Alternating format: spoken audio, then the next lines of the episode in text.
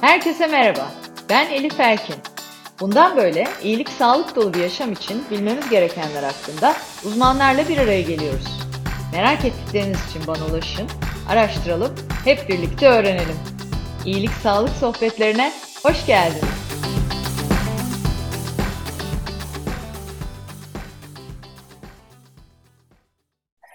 İyilik Sağlık Sohbetleri'nin yeni bölümüyle karşınızdayım. Bu bölümde konuğum dünyaca ünlü diyebiliriz artık bence. Kadın hastalıkları ve doğum uzmanı, üreme endokrinolojisi ve infertilite uzmanı, Master of Science, Profesör Doktor Barış Ata. Ee, Barış hoş geldin. Hoş bulduk Elif. Ee, seni görmek çok güzel. Ee, Barış'ı 95'ten beri e, tanıyorum. Değil mi? Bayağı da zaman geçmiş şu an çıkaramayacağım 22'den 95'e ama uzun zaman oldu. Bu uzun zaman içinde de e, çok şey yaptı. E, önce size tanıtmak istiyorum kendisini. Sonra da sorulara geçeriz zaten. Bugün doğum ve infertiliteyi konuşacağız. E, şu an e, Profesör Doktor Barış Ata Koç Üniversitesi Tıp Fakültesi Kadın Hastalıkları ve Doğum Anabilim Dalı Başkanı olarak görev yapıyor.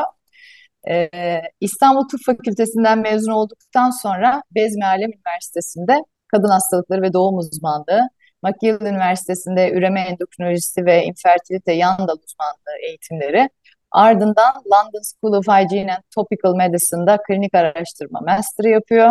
Uludağ Üniversitesi ve Koç Üniversitesi Tıp Fakültelerinin üremeye yardımcı tedavi merkezlerini kuruyor. Koç Üniversitesi Tıp Fakültesi Kadın Hastalıkları ve Doğum Anabilim Dalı Başkanlığı yanında Üreme Endokrinolojisi ve İnfertilite Derneği Başkanlığı, Avrupa İnsan Üremesi ve Embriyoloji Derneği Yönetim Kurulu üyeliği görevleri devam ediyor. Kadın infertilitesi, endometriozis ve tıp tüp bebeğin klinik yöntemleriyle ilgili araştırmalara devam ediyor. Yine üreme tıbbı ve jinekolojinin en yüksek etki faktörlü dergisi olan Human Reproduction Update dahil önde gelen dergilerin editoryal kurullarında görevli.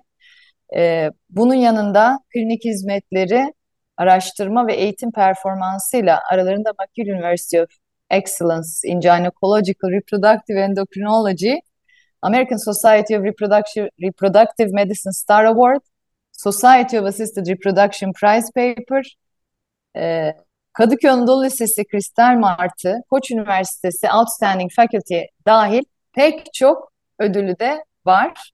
E, öncelikle bu yoğunluk içinde e, davetimi kabul edip geldiğin için çok teşekkür ediyorum. E, detaylı anlatmaya kalksak e, süremiz tamamen dolacaktı. O yüzden böyle bir ön tanıtım yaparak başlamak istedim. Yıllardır e, takip ediyorum.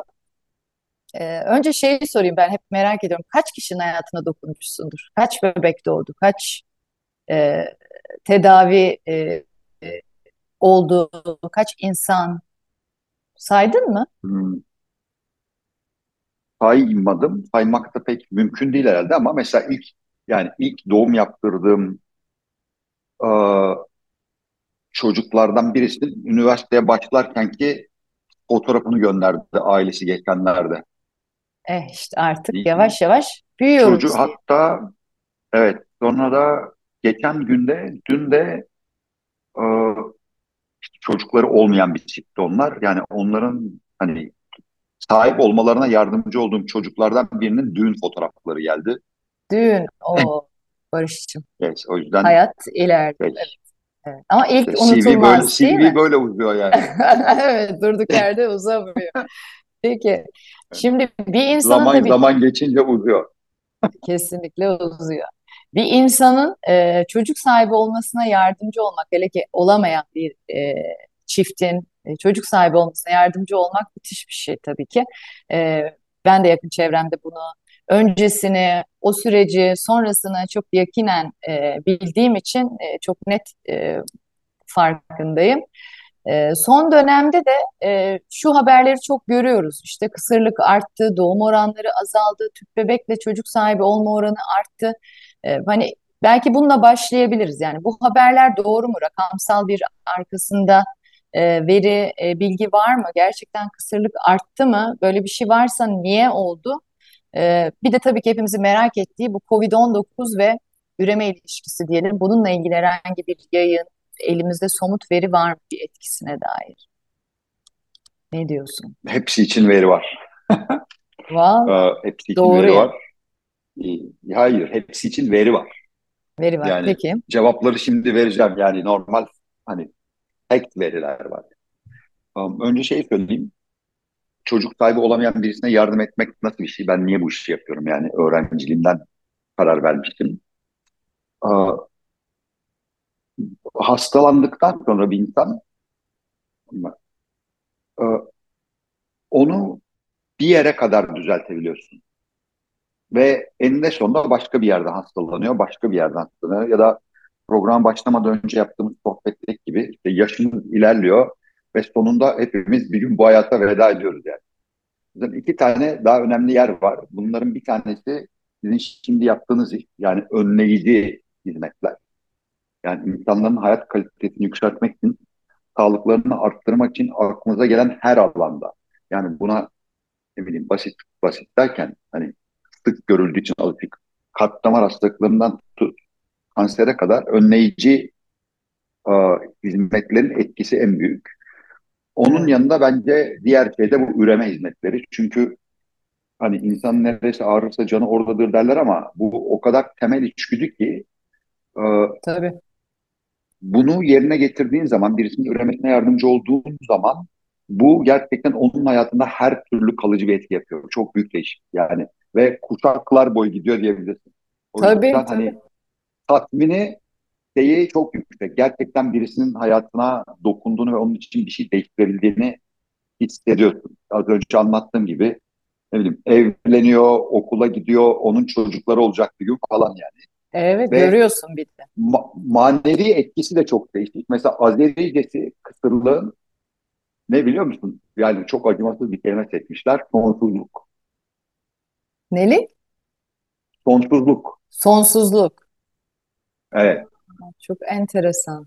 Çok enteresan. Yani um, ner- tarih nasıl öyle seçtiklerini bilmiyorum ama hani gerçekten e, temel içgüdünün ha- hayatta kalma ya da zaman boyunca var olma olduğunu düşünürsen aslında organizmanın kalanı DNA'yı aktarmaya hizmet ediyor. Mesela Tabii. üremek de bu yani. O yüzden hani Evet. ne diyeyim bir böyle manevi tarafı da şey e, Anlamlı bir etkileyici. iş tabii ki. Çok anlam, Hepsi anlamını anlamlı çok ama bu evet. evet, İki, çok bir hissettiren bir de iş. 80 yani 70'lerden sonra e, en çok ilerlemenin olduğu alanlardan bir tanesi ve insanın kafasını da çok meşgul edebiliyor. Yani içinde çok genetik var, çok endokrinoloji var, e, cerrahi var.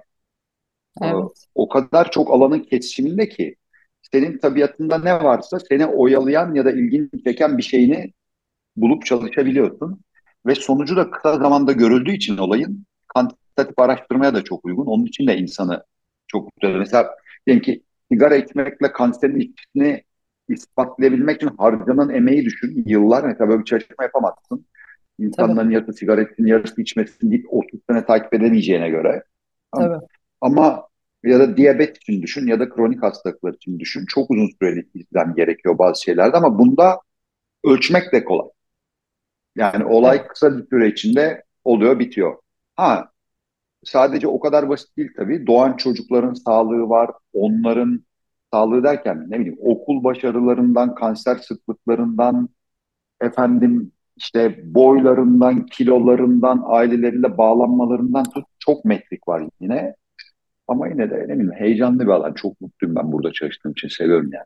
İnsanı evet onu çok e, meşgul çok ediyor. hissettiriyorsun zaten her her Aha. durumda çok sevdiğini. Peki, e, Şimdi sorularına gelelim. Peklere. evet, Bir, insanların üreme potansiyeli giderek düşüyor mu? Hayır düşmüyor. iyi, sevindirici Yani bir çok haber. net, çok net, net verileri var. Birden fazla yerden gelen net verileri var. Amerika Birleşik Devletleri'nde yıllardır bir yani aileyle ilgili istatistik topluyorlar diyeyim sana. Ve burada 15-49 yaş arası kadınların doğurganlık hızlarına, itleyip gebe kalamama sıklıklarına ve um, infertilite hizmetlerine başvurma sıklıklarına baktıkları zaman geçmiş 30 yılda yani bunları yapmaya başladıklarından bu yana bir değişiklik yok. Yani toplumun seyri aynı. Yani biyolojik olarak insanlara kötü bir şey olmuyor. Evet. Erkeklere, erkeklerden bahsedersek 2017'de yayınlanmış bir tane ki fena da olmayan bir dergideydi. Bir meta-analiz vardı. Şey, e, diyordu ki işte sperm sayısı Batı dünyasında son şu kadar yılda yüzde 60 azaldı. İşte erkekler üreyemeyecek mi? İşte insanların geleceği tehlikede mi falan diye. Ve tabii bu seks satar diye bir şey var ya Aynen, da aynen. bu da onun gibi yani hala ara ara haberlere çıkar. Yani böyle Konu oluyordur. işte geri dönüp dönüp gittiği bir takım şeyler olur. Yer Tabii, bulamayınca tabii. ya da gazeteler hani boşluk kapatacak bir şey gerekince popüler konulardan biri. O çalışmaların bir sürü metodolojik kusurları var. Sonra onlar da yayınlandı. Yani erkeklerin yaşları için düzeltilmiş değil, bölgesel dağılım dikkate alınmış değil. İki, gebelik için bir tane sperm gerekiyor. Mesela sperm sayısının gebelik olmaz diyebilecek bir alt sınırı yok. Mesela Bir tane yetiyor, değil mi? Doğru. refer, evet, spermiyogramlarda karşılaştırılan sayılar referans değer diye geçer. Normal ya da fertil değer diye geçmez. Ee, çünkü bir tane olduktan sonra olasılık değişmekle beraber olabiliyor. Dünya Sağlık Örgütü yaklaşık 10 yılda bir 6 kıtada eşi 12 aydan kısa zamanda spontan olarak gebe kalmış yani infertilite tanımına, kısırlık tanımına uymayan çiftlerden, erkeklerden sperm örneği alır, sayar değişik parametrelerini ve bunları dizer. Beşinci persantil değer o referans kabul edilir. Tamam. Okay. Ama sperm sayısı her ejekülasyonda o kadar çok dalgalanır ki çocuklu insanlarda da hani bir insana bir kere bakarak söylemez. O yüzden sperm sayısı özetlerine erkek fertilitesinin denk bir ölçütü değildir. O yazı sık sık medyaya gelse bile bir sürü kusuru vardır. Erkeklerin doğurganlığı azalıyor olsaydı ya da doğurganlığı mı diyeyim? Hani Türkçe'de Evet. şey oluyor, reproductive potential. Evet. Ama o zaman kadınlardaki istatistikte de görünmesini bekler. Kadınlardaki istatistikte de görünmediğine göre o zaman Öyle bir şey erkeklerinki de azalmıyor. Evet o yüzden rahat. Covid'e gelirsek Covid'in farklı etkisi var. Şimdi onunla ilgili yeni bir şey yayınlıyoruz. Bizim bu Avrupa Üreme Derneği'nin Covid çalışma grubuyla alakalı. Biyolojik olan bütün mekanizmalarını inceledik. Kalıcı üreme potansiyelini olumsuz etkileyen bir şey var gibi görünmüyor. Artı gene Avrupa'daki nüfus verisine bakarsak bundan önceki Covid'den önceki pandemilerde de pandemi başladıktan sonraki işte 9-10. ayda doğurganlık hızı hep düşüyor. Tamam. Hmm. Çünkü ilk o şey geliyor, o terör düşün. Bir hastalık sayısı en fazla. insanların ortada pek üresi gelmiyor belli. Evet, Ama e, o onu birazcık izleyen onunla alakalı. aylarda onu izleyen aylarda hemen rebound oluyor. Aynı Evet. Covid'de de yani bu Avrupa'nın verilerine bakıldığında e, Ocak 2021'de önceki yılların Ocaklarına göre yüzde 14 düşüyor doğurganlık. Doğum, Aha. doğum sayıları, direkt doğum, Doğum sayıları. sayısı. Ama Mart 2021'den itibaren geri topluyor orijinal haline. O yüzden hani Evet. etki var mı? Var ama Covid'in virüsün kendisinden değil. Hangi pandemi olursa olsun yani insanları korkutan ya da belirsizlik duygusu getiren bir şey olunca insanlar üremiyor. Evet. Kısırlıktan ayrı bence bugün söylenebilecek şeylerden önemli olan bir tanesi bu. Bu da çünkü bunda preventive medicine yani koruyucu hekimlik gibi düşün. Dünyada insan sayısı artmıyor. Yani kısırlık artmamasına rağmen dünya nüfusu Malthus vardı ya meşhur e, Evet. eski bilim adamlarının çoğu taraftan da din adamlarıydı. Papaz Malthus e, bu şeyin kaynağı yani öyle bir kontrol sürüyor ki insanlar işte dünyada yiyecek yetmeyecek vesaire korkusunu ilk dile Çıkaran. getiren yasa adam Malthusian teori deniyor buna. Malthus is wrong yanlış yani Malthus. Dünya şehirleştikçe üreme hızı düşüyor istekli olarak. Ve dünyanın şu anda sistematik olarak nüfusu artan tek bir bölgesi var. Sub-Saharan Afrika. Yani en az şehirleşen yer. Evet. Hindistan, Pakistan, Çin falan dahil nüfusları replasman hızında artmıyor. Yani replasman hızı ne demek? Nüfusun sayısını koruyacak şekilde, ölümlerle denk olacak şekilde doğum olması demek. Artı nüfus yapısının yaş dağılımının dengeli olması demek. Hayır, Avrupa'da olduğu gibi dün Avrupa'da bu daha ileri noktada çünkü daha önce şehirleşmişlerdi. Evet. Tamam. Evet tabii Üremeyi tabii. bırakmışlardı. Onlar yaşlanırken dünyanın kalanı da yaşlanmaya başladı. Yani yüzden aslında değerlendirirken e, biyolojik bir e, dertten dolayı biyolojide değil, olay. Evet Evet. biyolojik bir dertten Çok basit. dolayı değil. Eskiden Ekonomi ruralken yani şehirli hayatta değilken, kırsal hayattayken ne kadar çok çocuğun varsa o kadar zengin. Çünkü o tabii kadar çok çalışacak insan vardı ailen için. Bir kavga gürültü olsa, bir anlaşmazlık olsa hani aşiret, aile vesaire ne dersen de artık hani ne kadar kalabalık o kadar kuvvetliydi. Ve yani çok eşliliğin ve çok çocukluluğun da altında yatan şey muhtemelen buydu yani. Şehre farklı geldiğin zaman Evet, şehre geldiğin zaman çocuk sahibi olmak maddi zenginlik değil, aksine madden yük. Yani mutluluğu, temel içgüdün, çocuğu sevmen falan ayrı ama sadece maddi açıdan bakarsan şehirli hayatta çocuk sadece maddi yük. Dolayısıyla kendi ailelerimize bile bakarsak, yani işte annelerde, babalarda üç kardeş, dört kardeş, beş kardeşken insanlar, bizim kuşak genellikle iki kardeştir en Tabii fazla. Hani üç kardeşlisi azdır en azından bir e, ne diyeyim sosyo-kültürel şeyde, düzeyde. Şimdiki bizim çocuk sayılarımıza bakarsan e, benim kendi arkadaşlarımda bile çoğunlukla bir yani. teke düştü tabii Yani iki tabii. çocuklu çok sayılıyor ve genellikle insanların dile getirdiği şey işte nasıl bakacağız, nasıl büyüteceğiz, nasıl okutacağız falan gibi. Halbuki de, e, söylemek istediğim şey şu, preventive medicine yani koruyucu hekimlik kısmı tam bu. Dünya hiçbir zaman daha iyi bir yer olmuyor. Tamam, iyi zamanları var, kötü zamanları var. Yani daha kötü bir yer olup olmadığı da tartışılır. Ee, kendimizin yani bizim kuşağın doğduğu, okuduğu, çalıştığı zamanlarda bizim şimdiki çocukların yani benzer ailelerin şimdiki çocuklarının sahip olduklarının onda biri bile yoktu. Tamam. Tabii Ama işte ne bileyim çalışıyorsan, yapıyorsan bunları yapabiliyorsun. E ben üniversite çalışırken üniversitenin burs programları için um, değerlendirdiğimiz çocuklara baktığım zaman her zaman ufkum mu açılıyor diyeyim, ümidim tazeleniyor mu diyeyim. Yani o kadar kötü maddi koşullardan, o kadar hayat dolu, o kadar başarılı, o kadar tutkulu insanlar geliyor ki yani bu endişelerle çocuk yapmamak, eğer bir insanın içinde çocuk yapma arzusu varsa bu endişelerle yapmamak ve ertelemek doğru değil. Çünkü klinikte de şunu görüyorsun, e, artık kırklı yaşlarına gelmek gelmiş gelmek üzereler ya da gelmişler. E, kendilerine göre bir takım endişeler biraz geride kalmış. İşte hayat en önemli faktör şey o karar verdiği şey. Stabil hissetmeye başlıyor ve o zaman çocuk yapmak istiyor ama biyoloji o zamana göre değil. İnsanların ideal üreme yaşları 20'lerin sonları gibi yani. Hani en yüksek potansiyel. evet Ve evet yaygın yanılgılardan bir tanesi, hep ben konuştum ama birbirine o kadar bağlı ki, tüp bebek ya da herhangi bir üremeye yardımcı tedavi işte teknoloji ne kadar ilerlerse ilerlesin. Hani gidip ya fiziksel eziyeti neyse çeker yaparım, maddi yükü neyse öder yaparım öyle değil bu işler. Bizim işimiz hala yaşla bağlı. tabii tabii Dolayısıyla muhakkak 25, 30, 35 yaşındaki bir insana vaat edebildiğimizle 40, 42, 43 yaşındaki bir insana vaat edebildiğimiz şeyler farklı.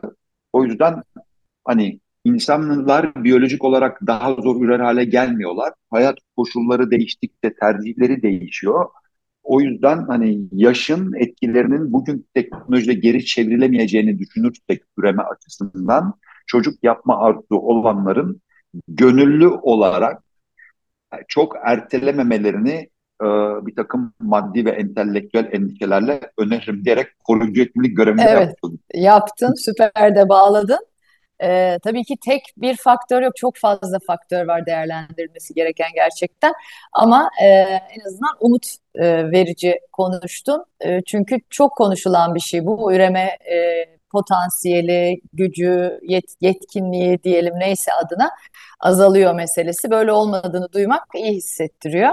E, umuyorum ki gerçekten isteyen herkes de e, en doğru zamanda e, çocuk sahibi olur.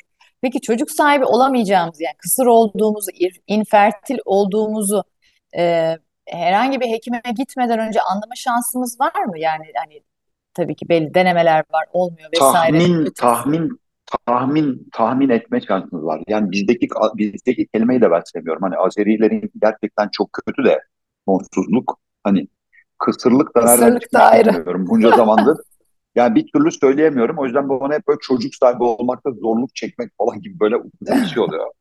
Şöyle denemeden bilmek mümkün değil ama bazı şeyler var ki önceden tahmin edilebilir. Ne gibi?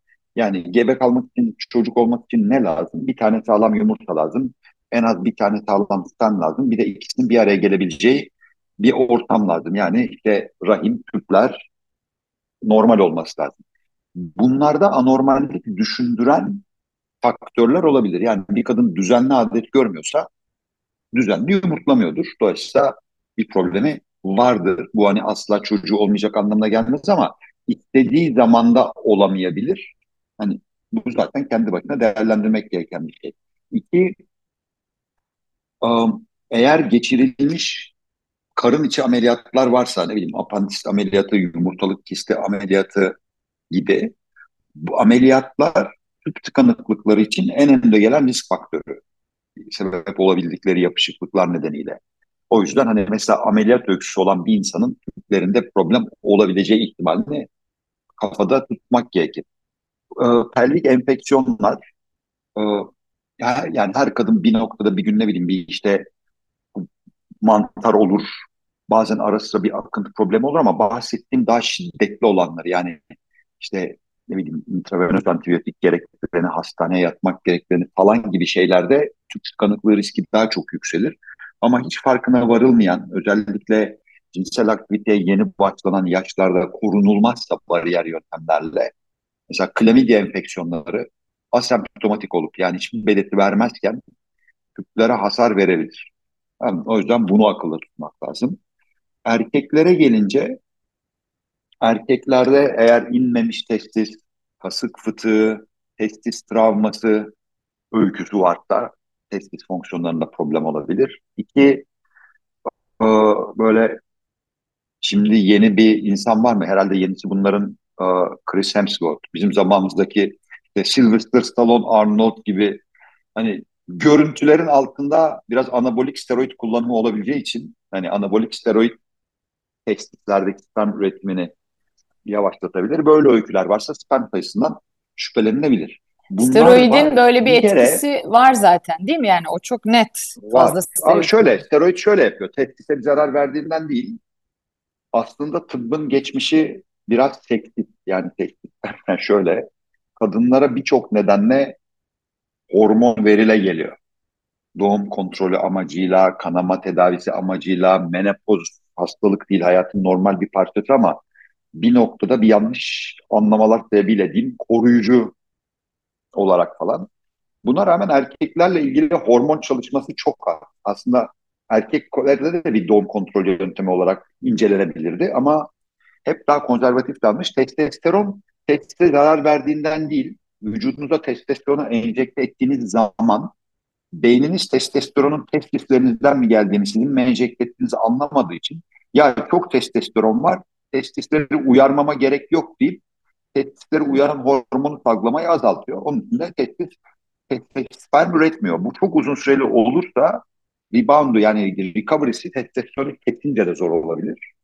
Tamam. Peki kadın gidebilir. beyninde kadın beyninde bu olmuyor mu yani? Kadın anlıyor mu E, östrojen kadınlarda aldığını? bu doğum kontrol haplarıyla oluyor işte. Doğum kontrol hapı aynen böyle çalışıyor. Dışarıdan progesteronu aldığın zaman beynin yumurtlamış olduğunu düşündüğü için yumurtalığını uyarmıyor.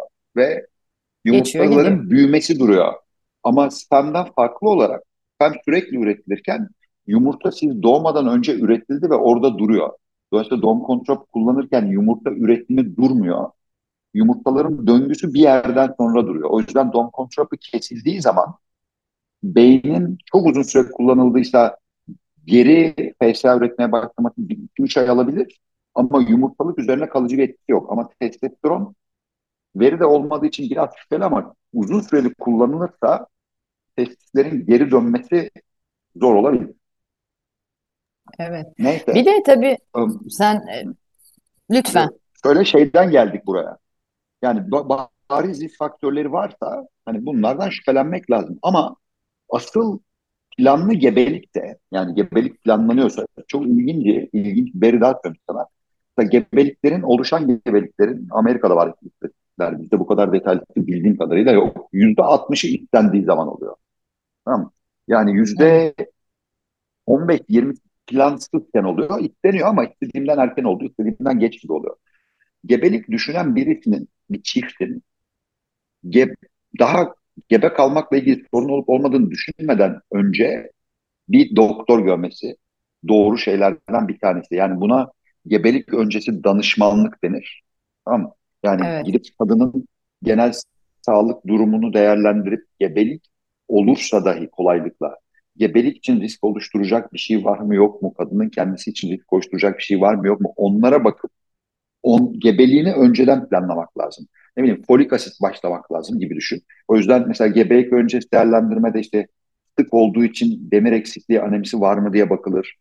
Tiroid disfonksiyonu, tiroid bozukluğu bebeğin zeka gelişimi dair etkileyebileceği için acaba hipotiroidisi var mı hani asemptomatik diye bakılır. Farkına varmadığı bir karbonhidrat metabolizması bozukluğu var mı diye açlık kan şekeri bakılır.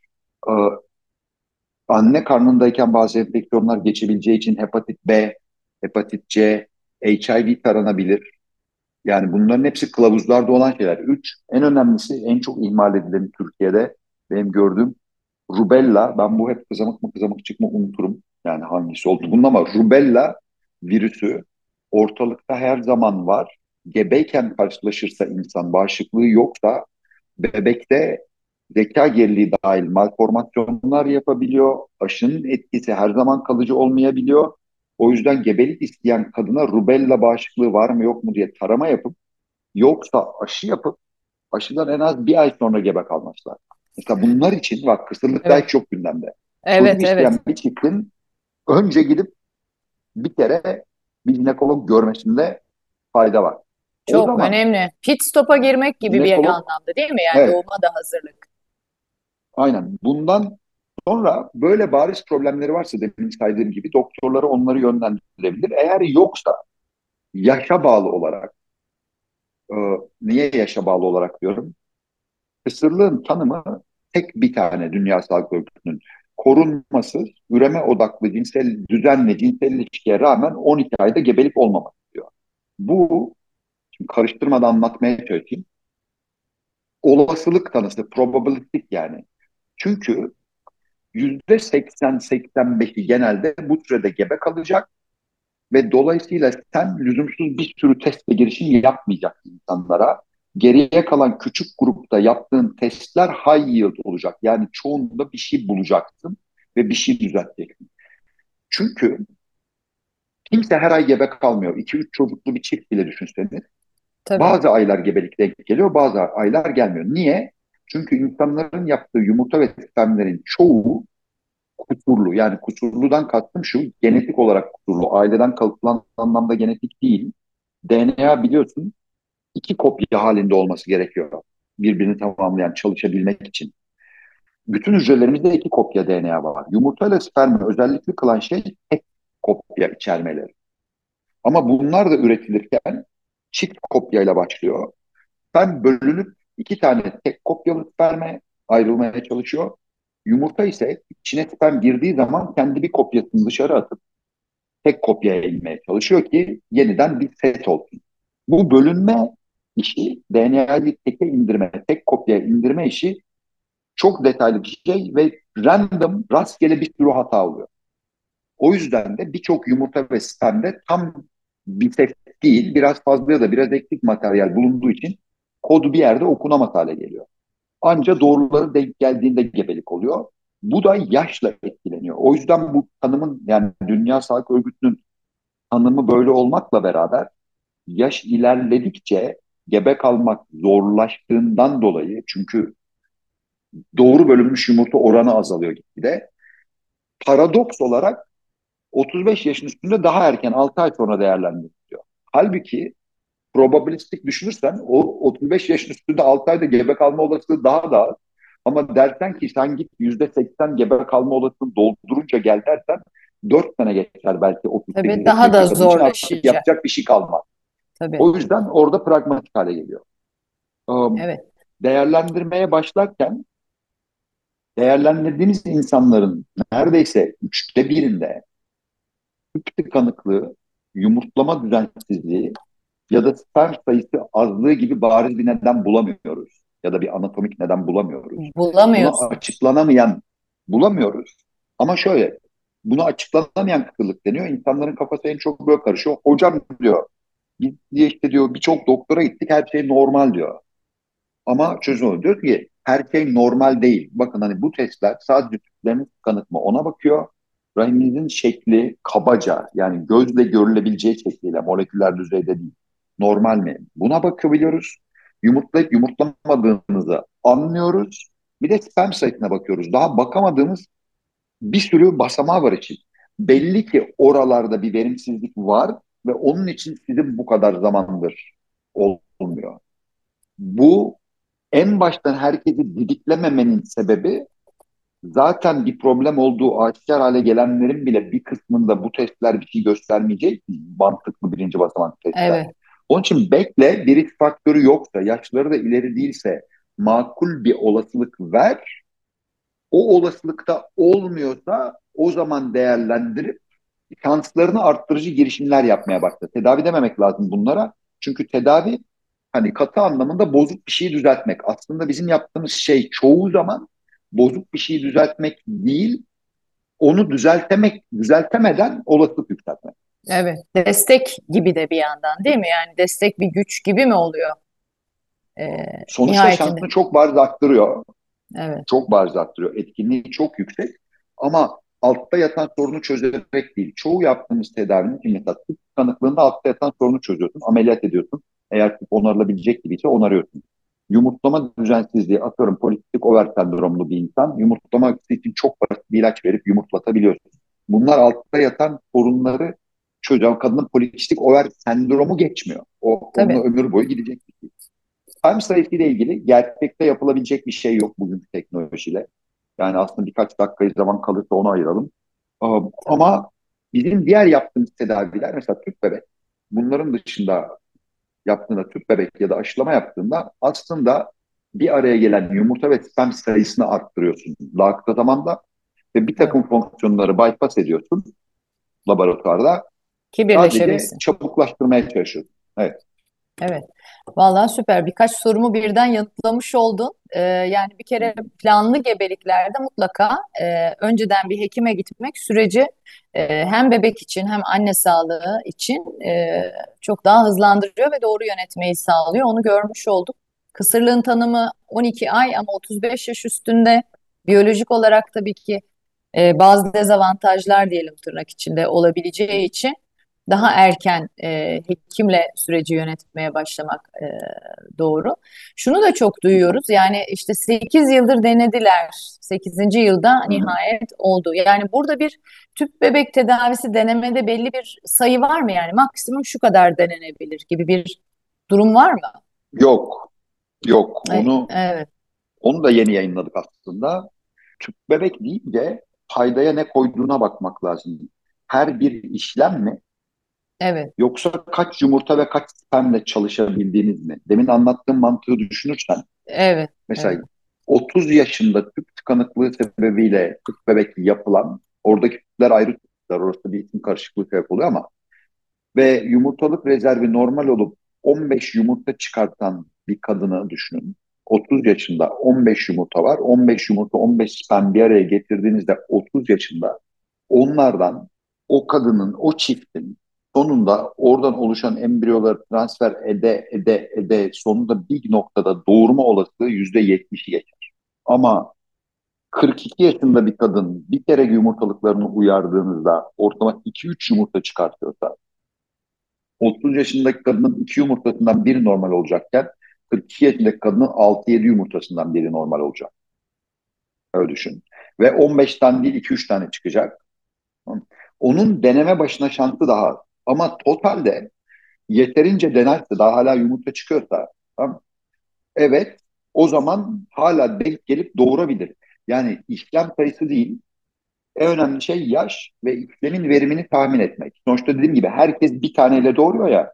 Benim mesela hastalarımın içinde ilk aklıma gelen 15. denemesinde doğuran yaklaşık 40 yaşında bir kadın var. Ee, yani trivia kısmıyla çok vakit almayayım ama hani yaşını bile tam bilmiyordu. Yumurta rezervi de yüksek değildi. Böyle ikier üçer yumurtaya çıkar ya çıkmazdı. Çok isteklilerdi. Yani ve hak ısrarla denediler her seferinde. Bazen embriyo olurdu, bazen olmaz derken 15. transferinde doğurdu. Başka bir hastam yıllar 15 sonra inanılmaz tabii. 12. de doğurdu. Dünya rekorunu söyleyeyim sana bilinen 68. 68. Çok istiyor olmak lazım tabii yani. Çünkü 140 kolay bir süreç değil. küsürüncü embriyoda. Şöyle burada bakın aslında bir trade-off var. Yani trade-off ne? Yani bir ne riske ediyorsun, ne harcıyorsun, ne bekliyorsun. Tamam. Bir, yumurta dondurma için de aynı sorular sık gelir. Bu tedaviler kadına zararlı mı? Hayır bu tedaviler kadına zararlı değil. Hormon kelimesini duyunca böyle insanlar korkuyor. Hormon kötü bir şey değil. Hormon denilen molekül insan vücudunda birbirine uzak olan organların iletişimini sağlayan moleküller. Faydalı şeyler yani. Binlerce hormonumuz var. Olmadığında problem. İnsülinin olmayınca diyabet oluyor. Tamam. Burada kullandığımız hormon folikül uyaran hormon.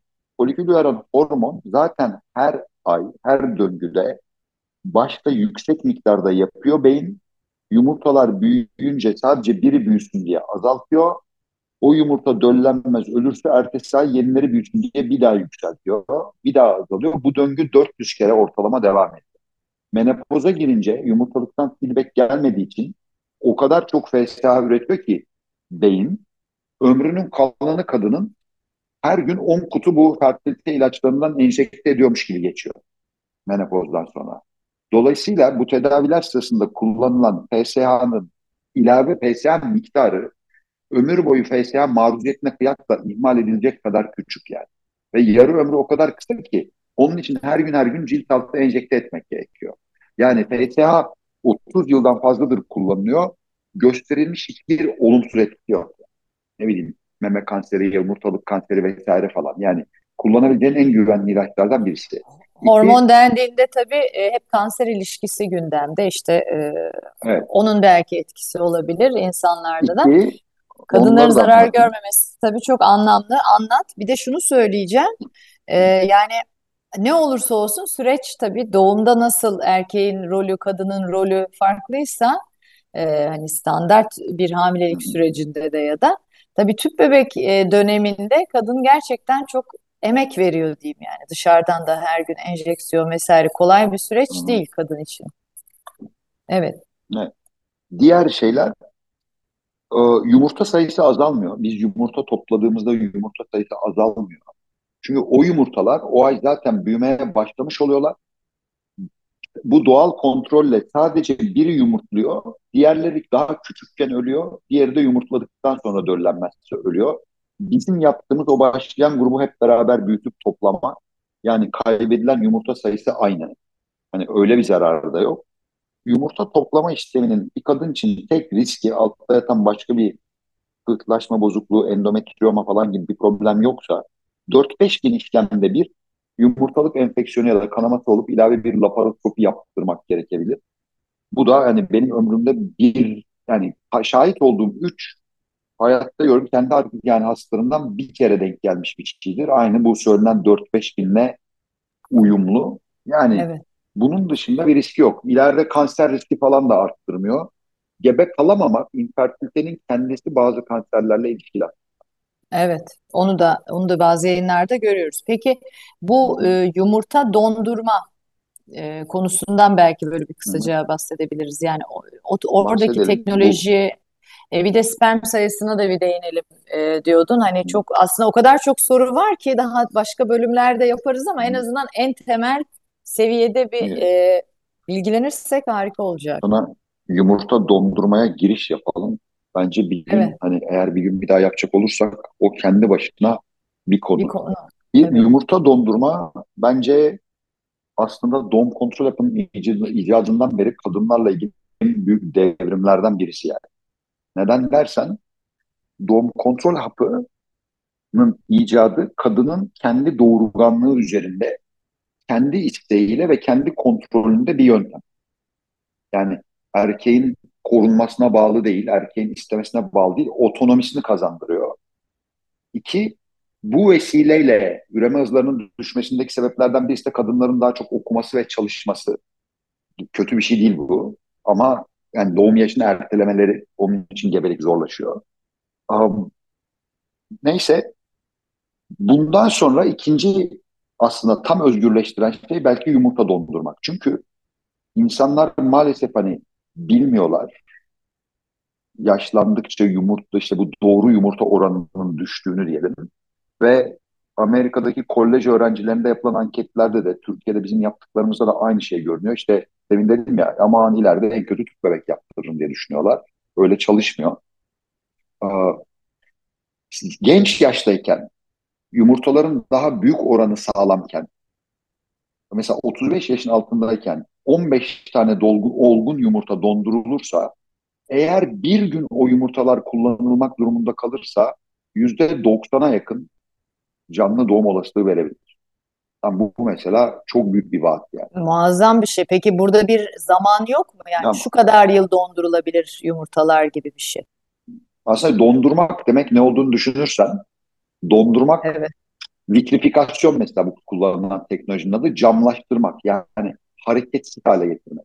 Hareket durunca zaman hareket Problem yok. düşünürsen o da duruyor. Evet. Jurassic Park gibi aslında vitrifiye ettiğin şeyler Evet. yıllarca durur. Dünyanın en eski dondurulmuş embriyosundan doğum yani 21 yıl saklanmış bir embriyodan doğum Aa, yaptırıldı bir kere. Hani en azından gözünden şu ana kadar bir problem Çok yok. Biyolojik olarak beklemekle ilgili bir sorun olacağı beklenmiyor. Yani tahmin edilmiyor. Ama bir şey yok. Türkiye'deki düzenleme, e, üremeyle ilgili düzenlemeler her ülkede diyeyim. E, bu geçenlerde medyada takip edip gördüysen Amerika Birleşik Devletleri'nde meşhur Roe vs. Wade yani kadınların kürtaj hakkını düzenleyen Supreme Court kararını bu Trump'ın atamış olduğu insanlarla çoğunluğa geçen ultra konservatifler başka bir gerekçeyle iptal ederek bütün o özgürlüğü geri riske attılar ve bu sadece Tabii. gebelik sonlandırmayla sınırlı kalmayabilir. Bu e, üremeyle, üreyle ilgili tedavileri bile etkileyebilir. Anlatmaya çalıştığım şey şu, çok subjektif birçok karar alınıyor E, ve bu kararları alan insanların bir kısmı, önemli bir kısmı biyolojisini zaten bilmiyor. Anlatıldığında ne kadar anladığından şüphem var. İki, biyolojisini bilip bilmemek dışında ben bu insanların çoğunun bu sorunları yaşayan insanlardan olduklarından şüphem var. Yani sorunların sahiplerinin bu düzenlemelerdeki temsil oranı ne bilmiyorum. O yüzden böyle çok konservatif şeyler çıkabiliyor. Türkiye'deki düzenleme diyor ki ancak bir kadın yumurtalık rezervi azalmışsa, zaten azalmışsa ve hiç çocuğu yoksa dondurabilir diyor. Bizdeki buna izin veriyor bizdeki düzenleme. Hı. Ama o zaman da eğer yaş ilerlediği için geliyorsa insan, yani kalkıp şimdi 40 yaşında gelip Tabii. bir de Olasılığı düşürüyor. dondurabileceksen bir işlemin ama gene bir işlemin yani bir kere toplama işleminin vadi başka 33 yaşında 10 tane topladığındaki vadi başka. Şu yapılıyor. İnsanlar tabii seri bir kısmetinde varsa ödeyebilirsin. Bir tane dondurup hani ya ben en azından elinden geleni yaptım işte varsa olur deyip hani onunla huzura eren yani öyle rahat hisseden insanlar var. İki, ben şansımı maksimize etmek istiyorum deyip öyle bir hastam vardı. Amerika Birleşik Devletleri'nden gelir giderdi. Aa, sekiz kere falan yani bir, bir, bir, bir, bir, bir hani biriktirdi. Öyle yapanlar da var. Dolayısıyla subjektif bir karardır. Ama çok genç yaşlarda yapılırsa o zaman büyük olasılıkla hani kullanmayabilir o insan. Çünkü illa ihtiyacı olacak diye bir garanti yok. O yüzden hani denge hesabı şöyle yapılabilir. Yani eğer bence bir kadın, bence derken bunun biraz tabii yapılan çalışmaları da var da öngörülerle işte evlenme yaşı, çocuk yapma yaşıyla alakalı falan. Ama bizim toplumda değil o çalışmalar. Yani bir kadın 32 yaşında eğer o sırada aktif olarak doğurmaya çalışmıyorsa hani bir erkek arkadaşı olabilir, bir sevgilisi olabilir, evli bile olabilir. Ama hani o anda çocuk yapmaya çalışmıyorlarsa hani 3 ay sonra çalışacaklarının da bir garantisi yok. Yani o zaman belirsizdir demek. Yani o noktada aktif olarak denenmiyorsa düşünmeye başlamak ve yapmak aslında mantıklı, en verimli seçenek olabilir. Ama Türkiye'de maalesef yumurtalık rezervi azalmış ya da ailede erken menopoz öyküsü varsa ve hiç çocuğu yok da dondurabiliyor. Evet, o tabii daha Erkeklerde de e, tedavi sayısı asla dondurabilir diyor. Ama bariz bir hastalık varsa üreme potansiyelini tehdit edecek. Allah korusun kanser, kemoterapi öyküsü, endometriyoma mesela çikolata kisti yumurta rezervini tehdit edebilir vesaire gibi. O zaman tıbbi gerekçeyle dondurulabilir. Evet. okey. Yani e, tabii hep bir işte risk e, getiri hesabını da hayatının içine katarak verilmesi gereken kararlar. Çok meşakkatli süreçler, maliyetli süreçler tabii. Um, iki şey Genel söyleyeyim. anlamda. Evet. Birincisi belirsizlik stresi dışında aslında çok fiziksel olarak meşakkatli değil. Yani biz komplike hale getiriyoruz. Anlata anlata, hastalar birbirine anlata anlata, doktorlar ve bir sürü ampirik yan tedavi kullanarak karmaşık hale geliyor. Yani basit, düz, straightforward yaptığınız zaman yani benim hastalardan çoğu da onu aldırmıyorum ama hiç de öyle bir şey değilmiş olur. Yani günde bir tane çift altı enjeksiyon, belki bir tane hap ya da bazı, birkaç gün belki ikinci enjeksiyon yumurta toplama işlemi çoğu zaman yani 15 dakika altında sedasyonla yapılabilen bir işlem ve bütün normal hayatınıza bu süreçte devam edebilirsiniz. Yani bu mit yani çoğu yatak istirahatleri bilmem neler falan yani embriyo transferi olduktan sonra ayağa kalkıp yürüyerek masadan gidiliyor yani. tabii hastaneden Anladın? yürüyerek çıkılıyor. O yüzden evet, evet yani o yüzden aslında öyle şeyler değil. Maliyete gelince de evet bir maliyetleri var ama şunu söyleyeyim Hani ben şu anda vaktimin bir kısmını işte yurt dışında geçiyorum ya. Türkiye dünyada bebeğin en ucuz olduğu ülke diyebilirim. Çoğu Yani alanda olduğu gibi. Yarı fiyatına yani. Ve en ucuz olmasını bırak bir şekilde bir algı şeyi var. Yani hepimizde. Um, tabii ki herkesin maddi durumu değişik ama yani mesela nasıl segment ediliyor insanlar gelirlerine göre işte A grubu, B grubu, C grubu gibi düşün.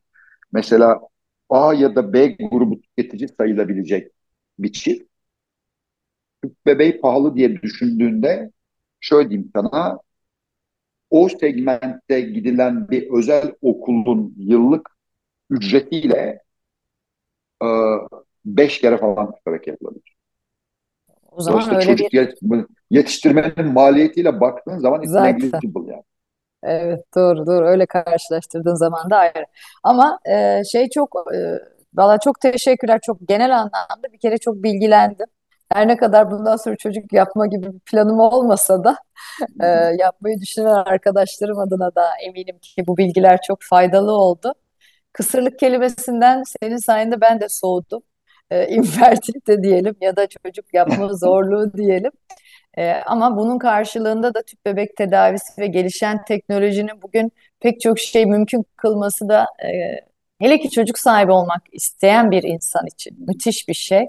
E, o anlamda da iyi ki varsınız, iyi ki de bu e, süreçler böyle gelişiyor. E, şey de çok hoşuma gitti, çok doğru söylüyorsun, hiç öyle bakmamıştım. Doğum kontrol hapından sonraki belki de en önemli devrim gerçekten yumurta dondurma. Çünkü orada karar kadında, e, kadın o hakkı, e, o özgürlüğü e, kullanabilmeli zaten ve artık bu sayede de kullanabiliyor. Benim de düşündüğümden e, daha rahat bir süreç e, oldu. Ben de biliyorsun hani çok çok yakınımda yaşadığım için gözlemleme imkanım oldu ve e, hele ki zaten o sürecin sonunda o bebeği kucağına alabilmesi insanların eminim ki her şeye de değiyordur. E, iyilik sağlıkla tabii kucağına alabilmesi. O anlamda da e, hekimle baş başa çok yakın, çok duygusal da bir e, yolculuk. Yani ben e, en azından benim gözlemlediğim öyle. Seni de gözlemliyorum. Sen zaten duygusal bir adamsın. Hastalarınla e, ilişkilerini de görüyorum. E, o süreç boyunca eminim ki e, her şeye değiyordur. İşte e, başta da konuştuğumuz gibi ilk doğum bunu gerçekleştirdiğim bebeğin bugün üniversiteye gitmesi, yarın öbür gün belki e, kucağında bebeğiyle e, ya da belki eşiyle sana gelmesi gibi durumlar. Peki e, mutlaka bir daha buluşmamız lazım çünkü e, daha sorular var ama son soruyu herkese e, aynı e, soru olarak soruyorum ki e, ben de bir istatistik yapıyorum kendi e, dünyamda. Onun için sana Ee, senin iyilik sağlık rutinini soracağım. Çünkü başlangıçta bilmiyorum yayında mıydı, yayın öncesinde mi konuştuk. 1995'ten bugüne aynı Barış'ı görüyorum ben. Belli ki bir şeyleri e, doğru yapıyorsun. E, o yüzden sırlarını paylaşırsan biz de daha iyi, daha sağlıklı oluruz. Senin rutinin nedir? Sırlarımı hemen paylaşayım. Günde dört beş saat uyuyabiliyorum. Ya bu ama bu çok Yani evet. Peki e, bir şeyler kompanse şöyle şimdi ediyorsundur onu arttırmaya onu arttırmaya çalışıyorum. Aslına bakarsan hani beni bir sene önce, bir buçuk sene önce görseydin ya da pandemiden önce görseydin bu kadar hani aynı göründüğümü düşünmeyebilirdin. Çünkü işte göz altlarım şiş falan böyle Uyku solgun çok önemli ve daha da zayıftım. Çünkü çok seyahat ediyordum ve hep çok az uyuyordum. Ee, her zaman spor yapıyordum. Yani on and off, on and off derken işte iş tempomun müsaade ettiği kadar yapıyordum. Ee, şimdi yani giderek ben de öğreniyorum. Hani hiçbir zaman çok yemezdim diyeyim. Ee, şimdi ne yapıyorum? Bir, ne yediğimi takip ediyorum. Yani en azından işte bir günde yaklaşık ne kadar kalorim alıyorum onu biliyorum. Bir ara ketojenik besleniyordum ama şimdi hani ketojenik değil ama low carb diyebiliriz yani düşük yani karbonhidrat mesela pirinç, un hani öyle şeyler yani pirinç belki ama un ve şeker yani yıllardır yemiyorum şeker. Hani nadiren işte ne bileyim birisi güzel bir baklava falan getirmişse bir dilim yiyorum da hani Tadına bak. onun dışında evet yani şekerin toksik olduğuna ve insan yiyeceği olmadığına yıllar önce karar verdim. Ve bağımlılık yaptığına kesinlikle. Evet. evet. Hani şey yani düşük karbonhidratlı besleniyorum. Spor şimdi daha düzenli yapıyorum. Kilomu koruyorum. Uykumu arttırmaya çalışıyorum. Alkol tüketimim yani modest ya da daha hani az diyeyim işte haftada belki işte bir cuma cumartesi gecesi. Hani eskiden hani yemeğin yanında bir kadeh şarap içmekten hoşlanırdım. Coca-Cola da yıllardır içmiyorum ya da kola da yıllardır içmiyorum. Hani o da toksik bir şey yani o da fark ediyor olabilir kendi başına. Evet. Kesinlikle. Um, şimdi hani artık yemeğin yanına da hani bir occasion değilse hani onda da artık hani şey soda içiyorum diyeyim. Yani katsayılar yani bir sürü kalori azalıyor düşün. Başka bir Tabii. şey olmuyorsa yani um, bir zararlı şey yapıyorsam pro içiyorum. Yani düzenli pro içiyorum diyebilirim. Hani her gün en az bir tane um, Aa, işte bayağı da artık ne bileyim Churchill yani evet her gün en az bir tane yani hafta sonu evde çalışıyorsam bazen daha da çok olabilir ama yani Pro'nun Rahmetli Churchill de yani içerdi mi burası diyeceksin. burası işte şimdi biraz öyle düşünüyorum. Güzel yani inhale yani inhale düzenlemişsin. Etmiyorsun. Evet, kanseriyle bir yok da ağız, boğaz ve tabii dil tabii. kanseriyle ilişkili. Ya ideali hiç içmemek hani bir gün sağlığınla ilgili ilave ne yapmak istersin desen pro içmeyi de bırakmak isterim. Ama işte Evet. insanın yani bir İnşallah. arada bir kendi kötü alışkanlığı oluyor işte. Benim de bu huyum var diyorsun. Süper, süper. Ee, ama işte hep e, soruyorum, hep de aldığım cevaplar o kadar yapabileceğimiz şeyler ki aslında. Ee, yani beslenme, e, uyku, spor en başta geliyor. Hep e, her e, a- duyduğum kişiden ve bu çok yönetebileceğimiz bir süreç. Bize bağlı bir Evet. süreç. Bir kere alışkanlıklarımızı değiştirdiğimizde de aslında gerisi gelecek. İnşallah hepimiz böyle iyi, sağlıklı, uzun ömürler yaşayacağız. Çok teşekkür ediyorum. İyi ki geldin. Ee, çok keyifli seninle sohbet her zaman. Ee, yine gel. Ee, en kısa zamanda Bilmukabele. da bekliyoruz tekrar. Ee, kendine çok iyi bak. Umuyorum ki yeni teşekkür yeni ederim. ailelere umut ve e, mutluluk getirmeye de devam edersin. Hep beraber diyelim.